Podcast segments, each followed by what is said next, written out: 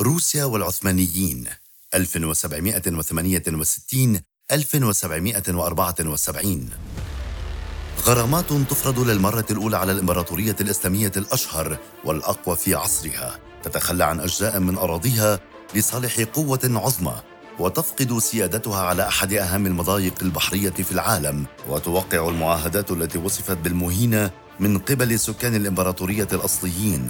الإمبراطورية العثمانية وطعم الهزيمة المر لأول مرة.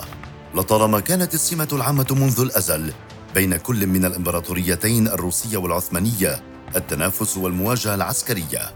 فروسيا ومنذ أن أصبحت إمبراطورية ذات قوة وسطوة لم يتوقف سعيها للوصول للمياه الدافئة وبأي ثمن لتدخل الحروب مع العديد من الإمبراطوريات والممالك والدول العظمى وغير العظمى. ومن ضمن ما خاضته من معارك عنيفة كانت حربها مع الدولة العثمانية. الدولة العثمانية التي كانت تسيطر على معظم الشرق الأوسط وأجزاء من أفريقيا وصولا للبلطيق والبحر الأسود بما فيها كل الممرات المائية التي لم تكف روسيا عن تقدير أهميتها ومحاولاتها الحثيثة للوصول إليها. تقوم روسيا باجتياح بولندا عام 1769 والتي كانت قابعة تحت السيطرة العثمانية كما دعمت روسيا الرهبان هناك لتحريض الكراهية ضد العثمانيين في الجبل الأسود وبلغاريا لتقوم الإمبراطورية العثمانية بإرسال إنذار إلى روسيا طالبة منها إخلاء بولندا بشكل فوري. بالطبع روسيا لم تستجب لهذا الإنذار ولم تعره أي أهمية في ذلك الوقت لم يكن للقادة العثمانيون على القدر الكافي من التدريب والكفاءة العسكرية فلاحقت بهم الهزائم لتستولي روسيا على أجزاء من الأراضي العثمانية هناك. بسبب هذا الانتصار الصغير في بولندا رأت روسيا في أراضي الدولة العثمانية كعكة يجب أخذ الجزء الأفضل منها لا سيما وأن الكثير من الإمبراطوريات كانت تسعى لاقتسام أجزائها الخاصة من كعكة العثمانيين لتقوم روسيا بتحريك أسطولها البحري في بحر البلطيق لأن البحر الأسود كان بحيرة مغلقة تحت السيادة العثمانية ليعبر هذا الأسطول المحيط الأطلسي ويدخل إلى البحر الأبيض المتوسط عن طريق مضيق جبل طارق. بعد وصول أخبار اقتراب الأسطول الروسي من الأراضي العثمانية لم يصدق العثمانيون أن الروس قد قطعوا كل هذه المسافة ليصلوا إلى قبالة شواطئهم.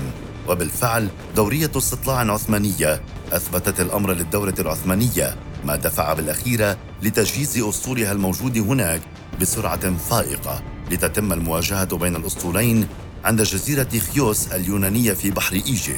ولكن نتيجة المسافات الطويلة التي قطعها الروس كان أسطولها البحري قد أنهك. لتنتصر البحرية العثمانية في هذه المعركة وتتمكن من رد الروس. لكن بعد المعركة بوقت قصير كانت السفن العثمانية تعود لموانئها. لتقوم سفينتين حربيتين روسيتين بملاحقة الأسطول العثماني العائد. منيون أن هاتين السفينتين قد فرتا من الأسطول الروسي المهزوم لكن ما حدث كان عجيبا وشكل صدمة للإمبراطورية جمعاء دخلت السفينتان الروسيتان الموانئ العثمانية دون مقاومة وذلك بعد الظن أنهما مستسلمتان. بعد وصولهما للموانئ فتحت السفينتان النار على الأسطول العثماني الذي يركن في أزمير وتحديدا ميناء جشمة. السفن العثمانية المصفة بشكل متراص احترقت جميعا هي ومعداتها ليتدمر الأسطول هناك برمته لتعود وتفر السفينتان من الموقع. أما على الأرض تم إعلان الحرب على روسيا عام 1768 لتشكل الإمبراطورية العثمانية تحالفا مع البولنديين الذين رفضوا الاجتياح الروسي. في الوقت الذي كانت فيه روسيا تتلقى الدعم من الإمبراطورية البريطانية التي أرسلت لها مستشارين بحريين. لتلقى المعارضة البولندية هزيمة نكراء على يد الروس في بولندا والتي سيطر عليها بالكامل لينتقل الروس إلى داخل أراضٍ جديدة في الدولة العثمانية بين عامي 1773 و 1774 لينتصروا في معارك كبيرة وصغيرة. من ضمنها الاستيلاء على قلعة بندر العثمانية التي دخلها الروس وقاموا بمجزرة ضد المسلمين فيها إثر هذه الانتصارات المتتالية تحرك الأسطول الروسي داخل البحر المتوسط محرزا العديد من الأهداف ضد الدولة العثمانية الذي قام نهاية الأمر بتدمير الأسطول العثماني بشكل كامل في معركة شيسما لتثور مصر وسوريا ضد الحكم العثماني هناك. لكن على الرغم من الانتصارات المتتابعة للروس لم يستطيعوا السيطرة على اسطنبول بسبب تحصينات الدولة العثمانية لمضيق البوسفور. وسط هزائم العثمانيين ولعدم وجود قيادة عسكرية وسياسية قوية لها اضطرت الإمبراطورية لتوقيع اتفاقية كوتشاك كينارجي. كانت هذه المعاهدة مهينة ومذلة للإمبراطورية.